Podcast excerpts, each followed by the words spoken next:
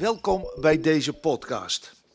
Mijn naam is Hans van Breukelen en samen met Benno Diederiks en Bas Kodde brengen wij op 27 mei het boek uit met de titel Mentale innovatie, zet het leven naar je hand. Dit doen wij in samenwerking met uitgeverij Thema, de online leerreis van New Heroes, Schouten Nelissen en met de stichting van Bibian Mentel, de tweevoudig Paralympisch kampioenen snowboarden die helaas ons is ontvangen, ontvallen. In de aanloop naar de lancering van ons boek zullen wij als warming-up met mensen in gesprek gaan die ondanks hevige teleurstellingen en bijzondere gebeurtenissen in hun leven toch de regie hebben weten te houden. Met vallen en opstaan. Iedere twee weken een andere hoofdpersoon die met ons zijn of haar belevenissen wil delen naar aanleiding van de vijf pijlers van mentale innovatie. Deze week ga ik in gesprek met Bas Kodde, leiderschapscoach en managementwetenschapper en een van de Nederlands meest gevraagde trainers in leiderschap en verandering. Hij verzorgt zowel nationaal als internationaal lezingen op het gebied van leiderschap en bevlogenheid. Hij is als directeur van het Executive MBA en Fulltime MBA programma en Professor Leadership and Management Development. Wat een woorden namelijk, verbonden aan Nijrode Business University. Bas schreef meer dan 100 artikelen en boeken over leiderschap, ondernemerschap en persoonlijke ontwikkeling, waaronder internationaal gepubliceerde bestsellerboeken als Word een held, De kunst van duurzaam presteren en The Devil Inside. En wat erg leuk is, vinden wij, hij heeft meegewerkt aan ons nieuwe boek over mentale innovatie. Bas, het was een introductie. Vreselijk. ja, kun je zet jezelf even gewoon neer dan, als je wilt. Was dat nou nodig? nou, ik vond het wel even om dat uh, zo te doen. Ja, nee, dankjewel. En een uh, eer en een genoegen, Hans, om hier uh, vanmiddag, het is inmiddels al middag, bij jullie te mogen zijn op dit prachtige kantoor hier van Schouten en Nelissen. Ja, mijn naam is Bas Kodde, een jonge man. Ik hoop nog steeds jonge man te mogen zeggen, inmiddels 50 jaar oud afkomstig uit, uit Salland, zoon van een sportleraar. En dat is denk ik een mooie korte introductie. Dat is een hele mooie Bas, maar ook vader van twee zoons? Ja, nee, dat is mijn grote, mijn grote trots. Als ik één ding wist in mijn leven, en dat wist ik al op hele jonge leeftijd, wat is mijn grootste wens? Ik had er maar eentje, dat is vader worden. En dat dat is gelukt, is mijn, uh, grootste zegen. Hey, je bent uh, uh, op dit moment echt heel erg actief over management, over verandering. Bevlogenheid is een van de, de thema's waar jij je ook echt helemaal in vastgebeden hebt. Dat is ook een van de pijlers van mentale uh, innovatie. wanneer werd bevlogenheid belangrijk voor jou? Ja, geweldig. Um, om daar iets over te mogen zeggen.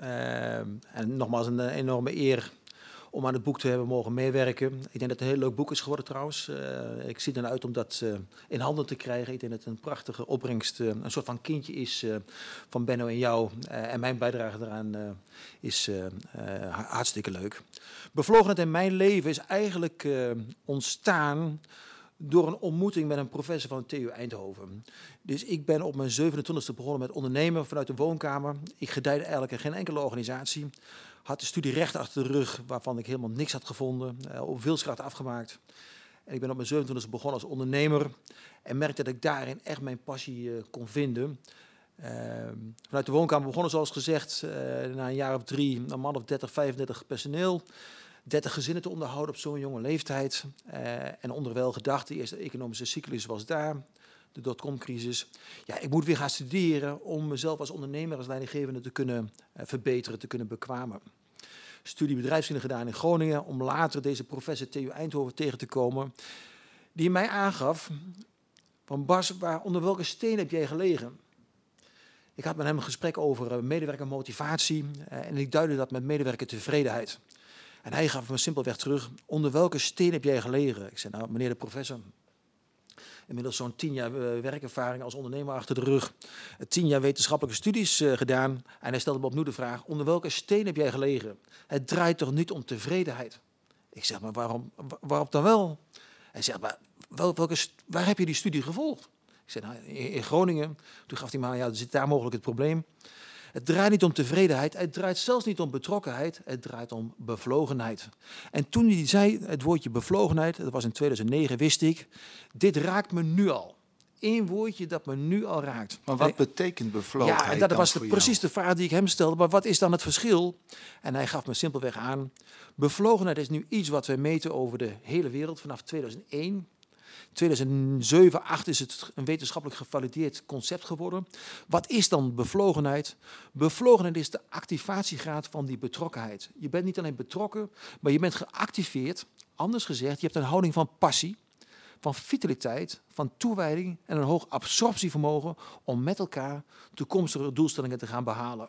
Dus drie elementen maken bevlogenheid: vitaliteit, toewijding, absorptievermogen. Dat laatste, wat bedoel je daar met Ja, toen, toen die man dat tegen me zei, toen wist ik helemaal van dit is precies waar ik naartoe wil. Vitaliteit, we hebben allebei een sportachtergrond, jij helemaal. Mijn vader was sportleraar, ik heb er ook heel veel mee. Toewijding, als ik iets nodig had in mijn ondernemersland, dan waren de toegewijde medewerkers niet zozeer tevreden. En daarna een hoog absorptievermogen. En wat is dan absorptievermogen? Absorptievermogen is een houding van nieuwsgierigheid. Een houding om je elke dag te laven aan de meest actuele kennis om daarmee jezelf te kunnen verbeteren. En niet alleen jezelf, maar ook je hele team en je hele organisatie. Anders gezegd, kennis was een bezit, absorptievermogen is een houding. Elke dag beter worden ten opzichte van gisteren. Leven lang leren, lang leven leren. Wat heeft die bevlogenheid jou gebracht uiteindelijk? Ja, om hier aan tafel te mogen zitten. Daarom, daarom zitten we eigenlijk hier. Dus ik ben helemaal gedoken dat onderwerp bevlogenheid. Heb op een gegeven moment mijn eh, ondernemersland verlaten. Ik heb mijn onderneming eh, verkocht om in eh, 2011 te promoveren aan Nijrode. Om daarna boeken te gaan schrijven op het gebied van bevlogenheid. Ik promoveerde op dat onderwerp als word een held. En ook de kunst van duurzaam presteren heeft het onderwerp echt in zich. En met mentale innovatie, wat er nu eh, zonder uitkomt, is dat natuurlijk ook een heel belangrijk begrip geworden. Maar als je hem naar jezelf toe vertaalt, wat maakt Ja. jou echt zelf Ja, bewogen, op een eh, bevlogen? Die ene opmerking bevlogenheid door die TU-professor, ik ga zijn naam ook even noemen, Herman Kuipers, met Emiraat eh, eh, inmiddels. Toen wist je, ja, ik ben eigenlijk altijd mijn hele leven bevlogen geweest. Ik wist niet wat het was, maar die houding van passie, die houding van vitaliteit, die houding van toewijding, die houding van absorptievermogen, nieuwsgierig zijn, die had ik altijd in me. Ik wist alleen niet waarop. Ik wist niet alleen waarmee. Dus ik, was, ik, ik, had, ik had geen focus. Maar ik wist wel, die houding van, eh, van, van, van, van passie, die activatiegraad heb ik altijd in me gehad. En het is zo prettig als op een gegeven moment iemand dat een keer duidt om te zien richting jezelf. Nu krijg ik een spiegel voor. Nu snap ik mezelf beter. Nu kan ik ook mogelijk iets betekenen voor een ander. Maar heerlijk om de zaken op de juiste wijze te kunnen duiden. En ook te weten, waar ik altijd al een hekel aan heb gehad. Tevredenheid is echt niet goed genoeg. Dus vaak gezegd, ja goed, mijn, mijn moeder of mijn oma zegt, niks is, eh, alles te is, is niet goed, behalve, behalve tevredenheid. tevredenheid. En nu kunnen we zeggen, ook tevredenheid is niet goed. Wat in ieder geval niet goed genoeg. Wat is het mooiste dat jij in je leven kan bereiken? Nou, ik denk dat geldt voor alles en iedereen, jezelf worden. En dan geldt er weer eh, zo'n zo'n zo'n prachtige vraag die je kunt stellen. Ben je wie je wordt of word je wie je bent? En het is zo'n yin-yang discussie. We zijn continu onderweg. En we zijn zowel aan het aanleren als aan het afleren. En het, het, het, het maken eh, van een ontdekkingsreis op jezelf, dat is denk ik de mooiste cadeau die je jezelf kunt geven. Je hebt maar één vriend nodig in je leven. En dat ben je zelf.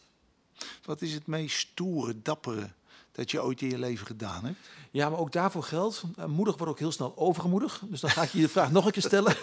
Welke wil je horen? Nee, het meest stoere en dappere dat je ooit in je leven gedaan hebt. Ik, Nou ja. heb- ik praat niet echt over moedig. Nee, nou goed, ik ben, ik ben, ik ben naïef moedig geweest. Ik had ook naïeve eh, intrinsieke motivatie en naïeve energie. Ik denk het meest moedige wat ik heb gedaan is inderdaad eh, op mijn 27e. Ik werd eventjes eh hoofdhypotheek bij een bankverzekeraar. Ik kreeg een fantastisch salaris. Om dan tegen mijn eh, directeur te zeggen, ik stop er toch mee. Ik begin, en iedereen zei, wat, ga je doen dan? Ja, ik begin een werving- en selectiebureau. Wat is dat? Op dat moment waren er alleen nog maar uitzienbureaus. Ik zei, nou, ik ga mensen helpen om van de ene baan naar een betere baan bij een ander te komen. Hij zei, ja goed, eh, waar ga je dat doen dan? Vanuit, de, vanuit de woonkamer ben je helemaal gek geworden. Dus ik begon, eh, ik had op mijn eh 27e een miljoen gulden schuld. Mooi. Eh, dan eh, praat je over bevlogenheid. Dan, is een, eh, dan, dan zie je dat mensen ergens voor gaan. En toch eh, krijgen ze af en toe eens een tikje eh, eh, om de oren voor hun hoofd. Ze lopen soms tegen situaties aan. En dan komt het aspect van doorzettingsvermogen om de hoek kijken. Wat gebeurde er in jouw leven toen je merkte dat doorzettingsvermogen voor jou belangrijk was? Ja, doorzettingsvermogen is cruciaal. Ehm, als ondernemer maak je alles mee. Dus ik heb 15 jaar mogen ondernemen. Ik heb zo'n zo'n 400 mensen in eigen loondienst gehad. Ehm, heb alles meegemaakt, denk ik, wat je kunt meemaken als ondernemer. Eh, zwaar teleurgesteld eh, geweest eh, in anderen. En met name als je daarop terug reflecteert, dan ook heel teleurgesteld in jezelf. Dus ik had niet de tools, ik had niet de inzichten, ik had eh, naïviteit. Eh, ik werd gestoeld en getriggerd op angst, ego en empathie. Ook ik heb die triggers in me. En vaak op basis van angst stap je uit, op ego stap je in. En op empathie stapte ik ook veel te ver in. Ik dacht dat iedereen zo graag bij me wilde werken en komen werken. Ja, dan word je teleurgesteld. Hè. Dus vaak is loyaliteit ook tot aan de voordeur. Maar het is wel zo, ik heb dat toegelaten. Dus ja, om alle incidenten te benoemen, en dat geldt zowel voor zakelijk leven als uh, privéleven, doorzettingsvermogen is echt cruciaal. Hoe ben jij dan als doorzetter? Welke elementen komen dan bij jou als mens naar boven? Ja, ik vind het een hele prachtige. In het begin, als je nog niet zo ver in het leven staat, als je de levenservaring mist, en ik heb daar met name ook studie voor nodig, dan komen de lelijke kantjes naar boven. Dus doorzettings... Nou ja, kijk, om, om daar een, ook een, een tool voor mee te geven. Dus doorzettingsvermogen is een van mijn kerncompetenties. Uh, en die heb ik door voorprogrammering in me. Dus we zijn met z'n allen al zo voorgeprogrammeerd. En ik als persoonlijkheidstype 3 in het enneagram, de resultaatgerichte doen, ja, je krijgt dat mee. Dus een van mijn talenten is doorzettingsvermogen. Alleen wat maakt het dan zwart en rafelig en, en minder prettig? Als je doorzettingsvermogen te veel inzet, je overcompenseert je sterke punt, dan wordt het compulsief gedrag, dwangmatig. Ik kon niet loslaten. Er zijn situaties voorbij gekomen dat ik veel eerder had moeten zeggen: nee, dit heeft geen zin meer. Ik ben aan het trek, aan het doodpaard. Word je dan een, een, een drammerig type? Ja, streberig, drammerig. Mensen zullen zeggen onmogelijk. Ja, bij mij god maar één ding en dat is resultatenboeken. En als dat niet werd uh, gehaald links of rechts, dan ging ik dwars doorheen. Maar het moest er zo gehaald worden. Terwijl het veel beter is om die andere vorm van, van inspanning te leveren, de, de ontspannen inspanning. Wat vinden andere krachtig aan jou? Inmiddels, dus je, op een gegeven moment ben je ook op reizen. Ik denk dat mensen mij veel, ja. veel ontspannender vinden nu. Uh, veel meer in balans. Uh, milder. Ik ben milder geworden. Vroeger schoot ik veel sneller in de verwijten. Mijn lat lag zo verschrikkelijk hoog. En die lag eigenlijk hoog niet door mijn omgeving en zeker niet door mijn ouders. Maar mijn lat lag altijd voor mij op een natuurlijke wijze heel hoog. Het leven moest geleefd worden in ultieme vorm, zowel uh, qua feestjes als qua uh, ondernemerschap, als uh, wat je kunt bereiken in het leven. Ik had het voluntarisme een begrip wat ik ook nog niet kende, volledig omarmd. Oftewel de maakbaarheid van de wereld. Ja, inmiddels zijn we een stuk verder in het leven. Uh, en weet ik dat het leven uh, en de wereld niet maakbaar is. Dat je ook heerlijk met de flow moet kunnen meegaan om alsnog die resultaten te kunnen boeken. Waar ben je het meest trots op van jezelf? Ah, dat is zijn van vader. Dat is een hele, een hele makkelijke. Ja? Ja, nee, dat is mijn grote trots. Uh, je zou bijna kunnen zeggen, daar hoef je niks voor te doen, maar daar heb ik toch iets voor moeten doen. Maar het naam het opvoeden is, uh, ja, ik vind het een heerlijk, een heerlijk iets. Ja, daar ben ik trots op. En waar ik ook trots op ben, uh, ik heb altijd prachtige teams mogen, mogen bouwen. Dus als ik één ding heel erg leuk vind om te doen, heel erg mooi vind om te doen, is om, om, om super uh, gemotiveerde, maar met name resultaatgerichte teams, topteams te kunnen creëren. Ik heb nu ook weer zo'n topteam op, uh, op Nijenrode, mijn executive MBA-team en ook het fulltime MBA-team. Geweldig hoe er nu gewerkt wordt in coronatijd. Welke resultaten ze weten te boeken. Soms zelfs zes dagen in de week. De mensen zijn gewoon in de loondienst. Werken ze bijna dag en nacht om die studenten te servicen. Ja, het is een voorrecht om daarbij betrokken te mogen zijn. Je bent uh, vrij energiek, uh, ook de manier waarop je praat, hoe je in het leven staat, zo heb ik je ook leren kennen. Uh, maar wat is er nou met name met jou overkomen in je leven dat je dacht van ik moet nu in beweging komen? Met andere woorden, en nu ga ik. Ja, goed, ik, ik, kan, het, ik kan niet uh, alles, hè, dat beschadig ik ook mensen, dus dat ik, ik, ik blijf uh, een, beetje oppervlakkig. Maar als ondernemer kom je echt uh, in economische cycli terecht.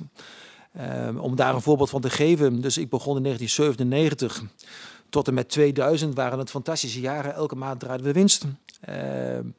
2000 kwam die dotcom-crisis binnen. 2001 vlogen de vliegtuigen New York binnen.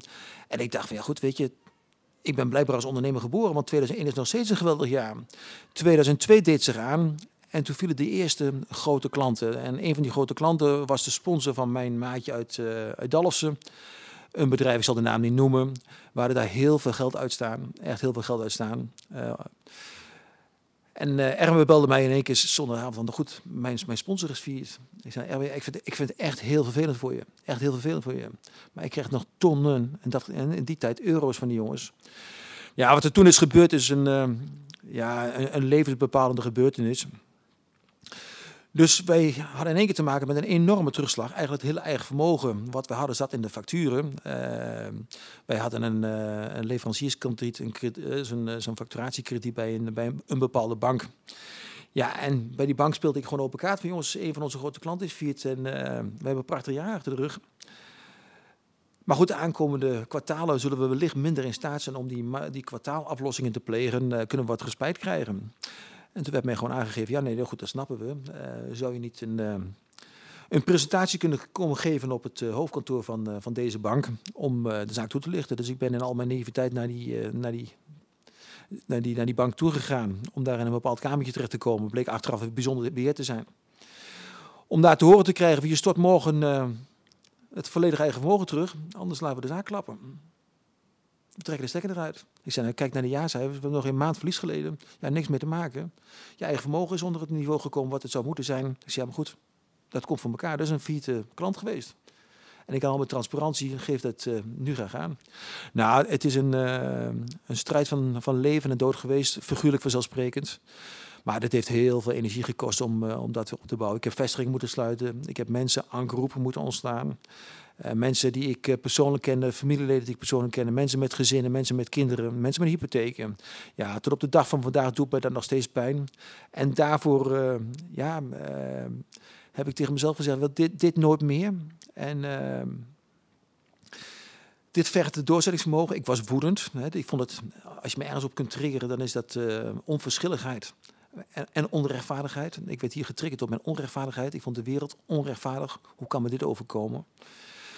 En toch wist ik dat de oplossing uiteindelijk in mij uh, lag. Dus dat is een van de redenen geweest waarom ik weer ben gaan studeren. En nu vol bevlogenheid en wel bedrijfskunde. Om later niet meer in dit soort situaties terecht te komen. Maar dit was een levensbepalende... Het was een... Het, het, het, het werd je... Uh, althans, het, werd je, het, het overkwam je. Ja. En je moest op dat moment. Ja, een donderslag bij heldere hemel. Ja. Uiteindelijk zijn ondernemers uh, maar voor één ding verantwoordelijk. En dat is continuïteit. En soms vergt het enorm zware maatregelen om uh, die continuïteit voor de anderen te kunnen borgen. Maar dat was... Uh, en dit is een professioneel ding. Hè, dus laten we het gewoon ook maar werk. Werk is ook maar gewoon werk. Ja. Dus maar wat geeft jouw leven dan echt zin? Nou, uiteindelijk, en dat is ook te maken met uh, een, een, purpose. Uh, je weet dat ik uh, ook purpose als de hoogste vorm van, van presteren en resultaat indicator gebruik. Mijn purpose is van talenten helder maken. Dus mijn besef is, uh, iedereen heeft talenten. Maar als je talenten niet mag gebruiken, of je hebt niet het juiste podium op te kunnen gebruiken, of je wordt afgestompt in het mogen gebruiken van je talenten, ja, dan ben je ook geen talent. En het boekje wat ik heb geschreven in, uh, in 2013, dat was eigenlijk geënt op een boek van een van mijn rolmodellen daarvoor, Ben Tichelaar, Dromen durven doen om die link maar te maken. En ik wist als ondernemer, hartstikke leuk en aardig. Maar hier zit geen ondernemer aan het woord. Want de belangrijkste D zit hier niet in. Want wat is de belangrijkste D? En we zijn ermee begonnen. Dat is doorzetten. Dromen kunnen we allemaal. Sommigen durven het ook. Sommigen doen het ook echt. Maar om het door te zetten, dat vergt een hele andere kracht, een hele andere instelling. En na het incident in 2003, 2004 wist ik, doorzetten is cruciaal. Het hebben van een purpose geeft dat het doorzetten veel makkelijker wordt. Dus als je weet, en voor mij geldt van talenten helder maken, dat is mijn purpose. Als je mensen in staat stelt talenten om een hoog energieke, leidingnemende doener te kunnen worden, dan heb je het verschil gemaakt. En wanneer uh, ervaar je dan zo bezieling? Niet alleen bij jezelf, maar ook van het talent die zichzelf tot held maakt. Ja, ook een hele goede en ook een hele mooie vraag. Voor die purpose geldt ook zo'n purpose statement. Hij is geactiveerd, dus de vrijblijvendheid gaat eraf. Daarom tref je mij ook, hoop ik, inderdaad energiek. Want om zo'n held te kunnen aanbieden, moet ik het zelf ook zijn. Hoog energiek, leidingnemend en doen. Wanneer uh, vervult je dat het meeste. Je weet dat ik veel lezingen geef en uh, vaak op congressen staat. Eerlijk gezegd daar het minste, maar vaak op één op één gesprekken. Ik heb elke dinsdagmiddag beschikbaar om mensen te treffen van buiten. En dat is een, een moment van zeg maar 45 minuten met een kop koffie op Nijrode. En dan bespreken we de dingen die spelen in het leven van zo'n persoon die mij heeft gevraagd van heb je even. En dat vind ik een heerlijk moment om dan de casuïstiek of het persoonsniveau echt met elkaar te kunnen duiden. En vaak, uh, er komt altijd iets prachtigs uit. Ja, dat geeft heel veel energie. Hmm. Bezieling, held zijn. In de sport praten we dan over een flow. Ja. Dat je zelf in de, welke kwaliteiten ervaar je dan bij jezelf? Bij nou, ook dat, is, ook dat is een hele mooie hand. Dus de, misschien goed om dat ook even te duiden vanuit de wetenschap. Dus de bevlogenheidstheorie die we met elkaar hebben vastgepakt, ook in, de, in het boek Mentale Innovatie. De bevlogenheidstheorie is gestoeld op de belangrijkste leiderschapstheorie die ik ken. Dus 15 jaar studie, 15 ondernemerschap. Er is maar één theorie die met kop en schouders boven alles uitsteekt, die ik nog steeds elke dag toepas. En dat is inderdaad de flow-theorie. Zo'n twee assen theorie. De ene, wat doe je? En de andere, wat kun je? Als je dingen doet die je niet aan kunt, dan kom je in een burn-out terecht. Maar voor ons, en met name voor de eigen generatie, vandaag de dag geldt een hele andere. En dat is de bore-out. Wij kunnen zoveel, maar we mogen zo weinig. Dus als je mensen in staat kunt stellen om weer in die flow terecht te komen, dus het aanpassen van je werkwijze en het aanpassen van je kennis en vaardigheden, door elke dag te leren om naar een omgeving te komen wat nog meer van je vergt. Dus uit je comfortzone, dat is zo'n zo, zo hype, zo'n trendwoord dat vaak wordt gebruikt. Maar het gaat erom dat je continu jezelf matcht, je kennis en vaardigheden elke dag oplust, om weer naar een ander niveau van werkwijze te kunnen. Hè, dus misschien eh, in jouw carrière, die heb ik natuurlijk ook uh, gevolgd. Je hebt me de beste zomer in mijn leven bezorgd, uh, de zomer van 88. Ik denk dat je dat regelmatig zult, zult horen natuurlijk hartstikke mooi als je wordt gevraagd om de keeper te worden van FC Utrecht. En misschien nog wel mooier om die van, van PSV te mogen worden. Daarna het Nederlands elftal. De enige wijze waarop je daar bent gekomen is dat je continu je kennis en vaardigheden hebt aangepast. Daarna weer een werkomgeving hebt gezocht die nog moeilijker is om daarna weer te kunnen studeren op je kennis en vaardigheden. Nou, dat probeer ik ook. En ik probeer met name ook anderen daartoe in staat te stellen. Zo verruim jij je eigenlijk constant jouw eigen grenzen en verruim je daarmee Ja, ook misschien leuk. Mijn moeder was een lerares Duits om dat uh, handen en voeten te geven. Ik, ik, sprak überhaupt maar één woord Duits. Mijn moeder grapte dat uh, van Herman Vinkers. Je spreekt überhaupt maar één woord Duits. Ik deed er alles aan mijn moeder uh, niet te pleasen. Echt een beetje rebels gedrag. Dus ik uh, deed er niks aan. Maar ik had het, uh, die seminar Word een Held al een, aantal jaren gedaan in Nederland. Ik wist van, oké, als ik nou niet oppas, dan kom ik ook in die bore-out terecht. Dan gaat het me te gemakkelijk af. Het wordt een grammofoonplaat. Ik moet mezelf weer uitdagen. Nou, ik heb het boekje Word een Held in Duitsland uitgegeven. Begeisterung. Erwekken den iedere helden. En dan word je uitgenodigd voor seminars in Duitsland. En daar gunnen ze je het niet om dat in het Engels te mogen doen. Dat moet ook in het Duits.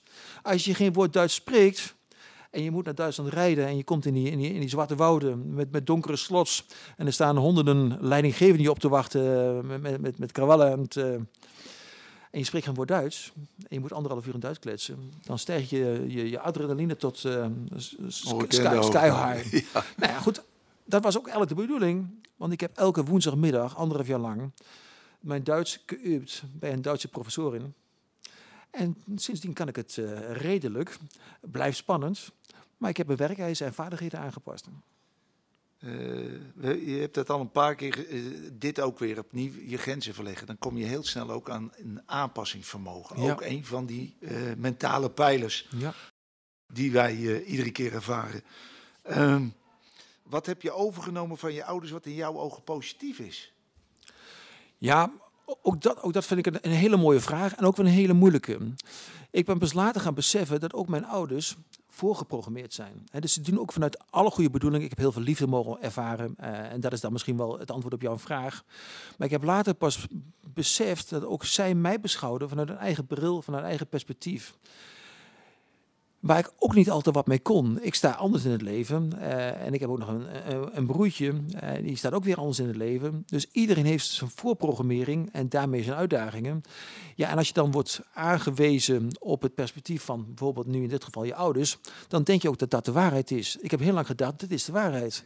Maar ik heb er ook een aantal keren ben ik flink tegen de muur aan gelopen. Omdat ik wist, ja, weet je, dit, past helemaal niet bij mij. Dit, dit zie ik gewoon zo volkomen anders.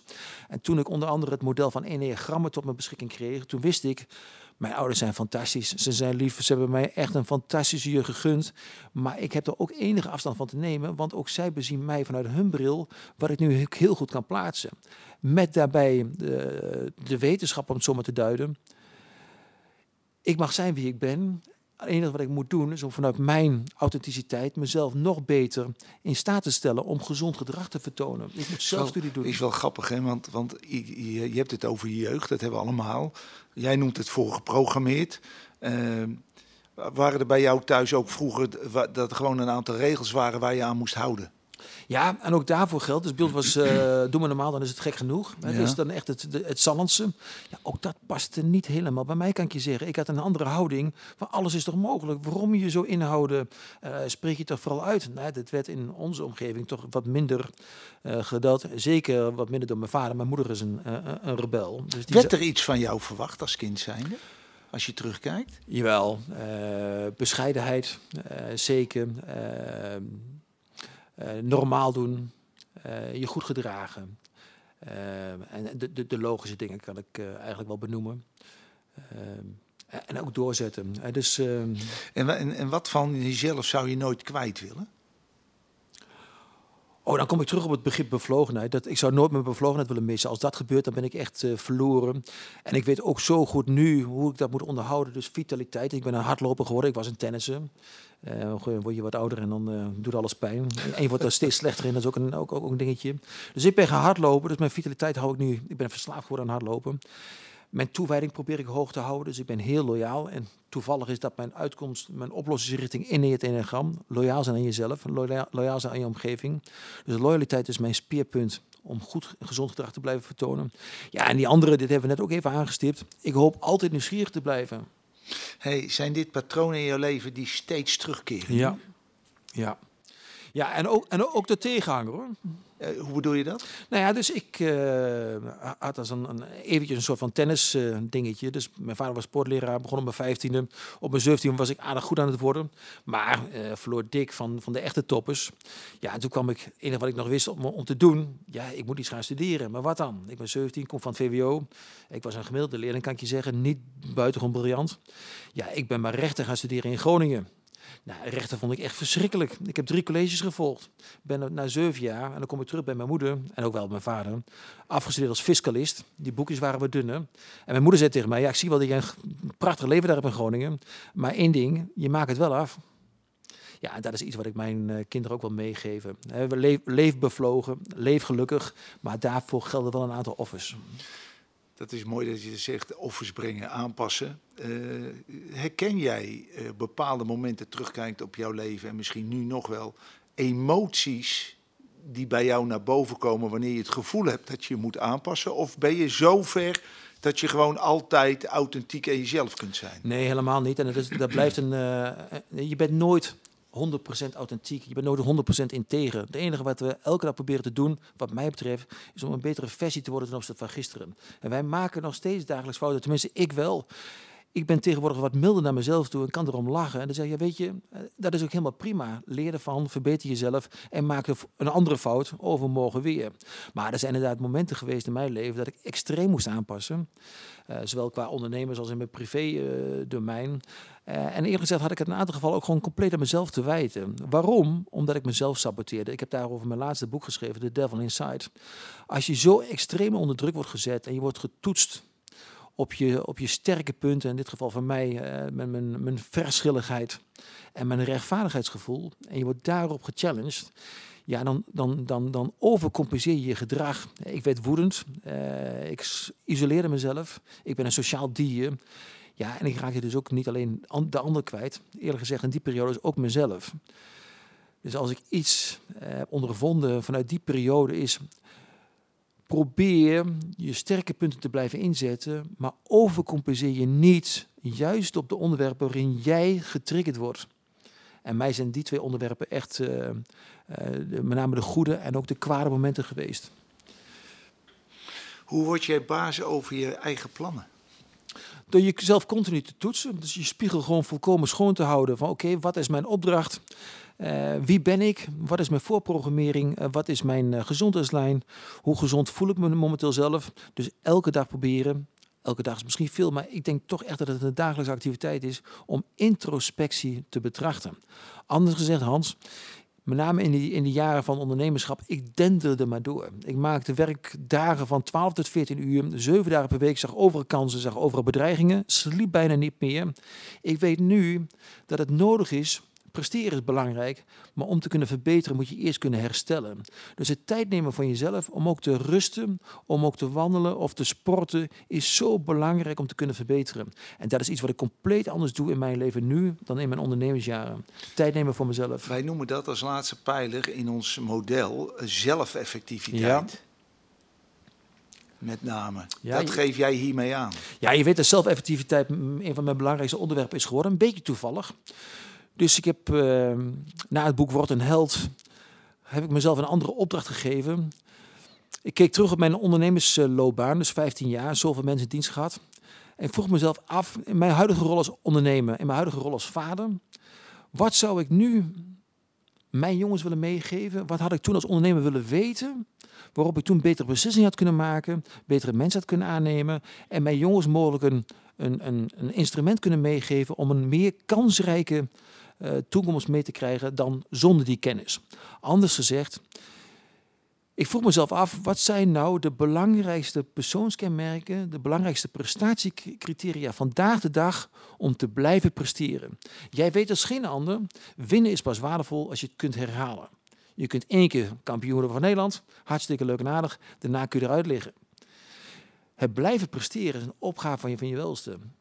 En ik had boeken gelezen over zelfvertrouwen, optimisme, stressbestendigheid, aanpassingsvermogen, bevlogenheid, ambitie. Allemaal belangrijke eigenschappen. En ik vroeg me gewoon af, ja, leuk, maar wat zijn er de belangrijkste?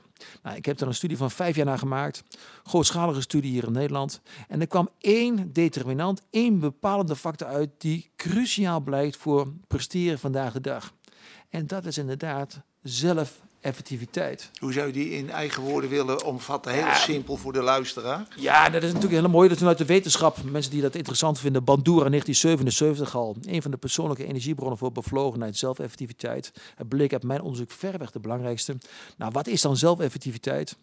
Zelfeffectiviteit is het beseffen, erkennen en herkennen van je sterke punten, ook het herkennen en erkennen van je zwakke punten, om jezelf elke dag te adresseren op je sterke punten en je te laten compenseren op je zwakke punten. Anders gezegd, niet het vertrouwen in je zijn, zelfvertrouwen is zo belangrijk. Veel te veel mensen hebben veel te veel zelfvertrouwen, maar het vertrouwen op je sterke punten, dat is je oplossingsrichting. Waarin voel jij je vrijheid? Uh, autonomie, het zelf mogen inrichten en het zelf mogen gebruiken van mijn zelfeffectiviteit binnen de opdracht die ik heb.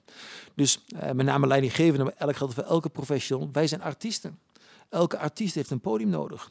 Dus ik gun elke artiest, elke professional, elke leidinggevende het juiste podium, waarvan we ook beseffen, en dan kom ik terug op aanpassingsvermogen, het podium verdwijnt continu. Dus we moeten niet alleen maar een bepaalde stijl van leiderschap onszelf in bekwamen, we moeten ze allemaal kunnen. Maar het is fijn als je een omgeving treft waarin je jouw zelfeffectiviteit optimaal mag inzetten. De meeste, om daar een, een duiding aan te geven, de meeste mensen zoeken naar de perfecte functie. Zoek niet naar de perfecte functie, zoek naar de perfecte omgeving. En die omgeving zal zien wat jouw sterke punten is en zijn, en die zal je daarop laten inzetten. En zodra je dat mag doen, dan ga je vliegen. Zijn er nog dingen in jouw leven waar je zegt, daar zou ik eigenlijk mee moeten stoppen om die zelfeffectiviteit bij mezelf te vergroten?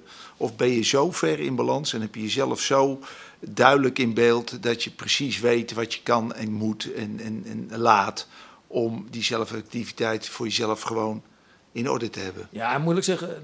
Ik hoor wel vier vragen in jouw vraag. Ja, dus dat klopt. Het zijn zoveel thema's die... Ja, nee, maar daarom is het ook zo leuk om met... Uh, experts zoals jij hier aan, aan, tafel te mogen zitten. Dit, wij kunnen dit een hele dag volhouden, kan ik je zeggen. Microfoon erop en dan gaan we. Maar die zelfeffectiviteit is inderdaad voor mij cruciaal. En dan, en dan kijk je naar jezelf. Oké, ben ik momenteel zelfeffectief? Of zijn er elementen die mij minder zelfeffectief maken? Ja, eh, we leven in een tijd van turbulentie, angst en onzekerheden. Dus het kader wat wij meekrijgen, ook binnen onze omgevingen, is vaak bekaderd en te veel bekaderd. Waardoor we professionele autonomie ontbreken om volledig zelfeffectief te zijn. Ja, en dan is het de vraag, in welke mate kun je dan drukken zonder jezelf en je team te saboteren. En dat is een kwestie van, en je gaf aan, ben je zover in balans? Nee, wij zijn nooit in balans. Dus die hype die ik vaak hoor, je moet in balans zijn. Je bent nooit in balans. Wij zijn aan het balanceren. En daarvoor gebruik ik een ander instrument, lemniscatisch denken en handelen. Dus niet lineair denken en handelen, goed, goed fout, meer, minder. Uh, ook niet systemisch denken en, en, handelen. Dus als ik mijn gedrag verander in een bepaald systeem, dan verandert het systeem in de gewenste richting mee. Nee, lemniscatisch denken, lemniscatisch handelen. Als ik weet in welke pol ik me bevind, bijvoorbeeld ijdelheid zit in mijn karakter, in mijn voorprogrammering, en dat heeft een functie. Anders schrijf je geen boeken, haal je die, die, diploma's niet. Het heeft een bepaalde functie gehad. Alleen mijn oplossingsrichting zit niet in ijdelheid, die zit in de tegenpol bescheidenheid. Er zijn uh, hoofdzonden als, als woede. Nou, woede heeft een functie. Maar woede kent een tegenpol in vergiffenis.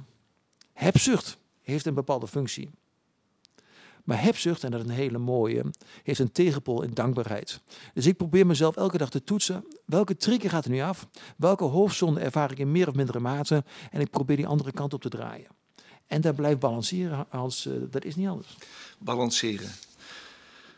Bas, ik wil jou gewoon uh, bedanken dat je uh, ruim een half uur even deze vragen... Even leeglopen. wat jij het noemt. Het, het, was gewoon weer genoeg om met elkaar even in gesprek te, te zijn. waarin we toch zo stiekem even de vijf pijlers van mentale innovatie te sprake zijn gekomen. Namelijk bevlogenheid, doorzettingsvermogen, in beweging komen. Waarin je ook heel duidelijk aangeeft dat de urgentie daarbij vaak wel een extra stimulans is voor mensen om uh, in beweging te geraken. Aanpassingsvermogen en zelfeffectiviteit.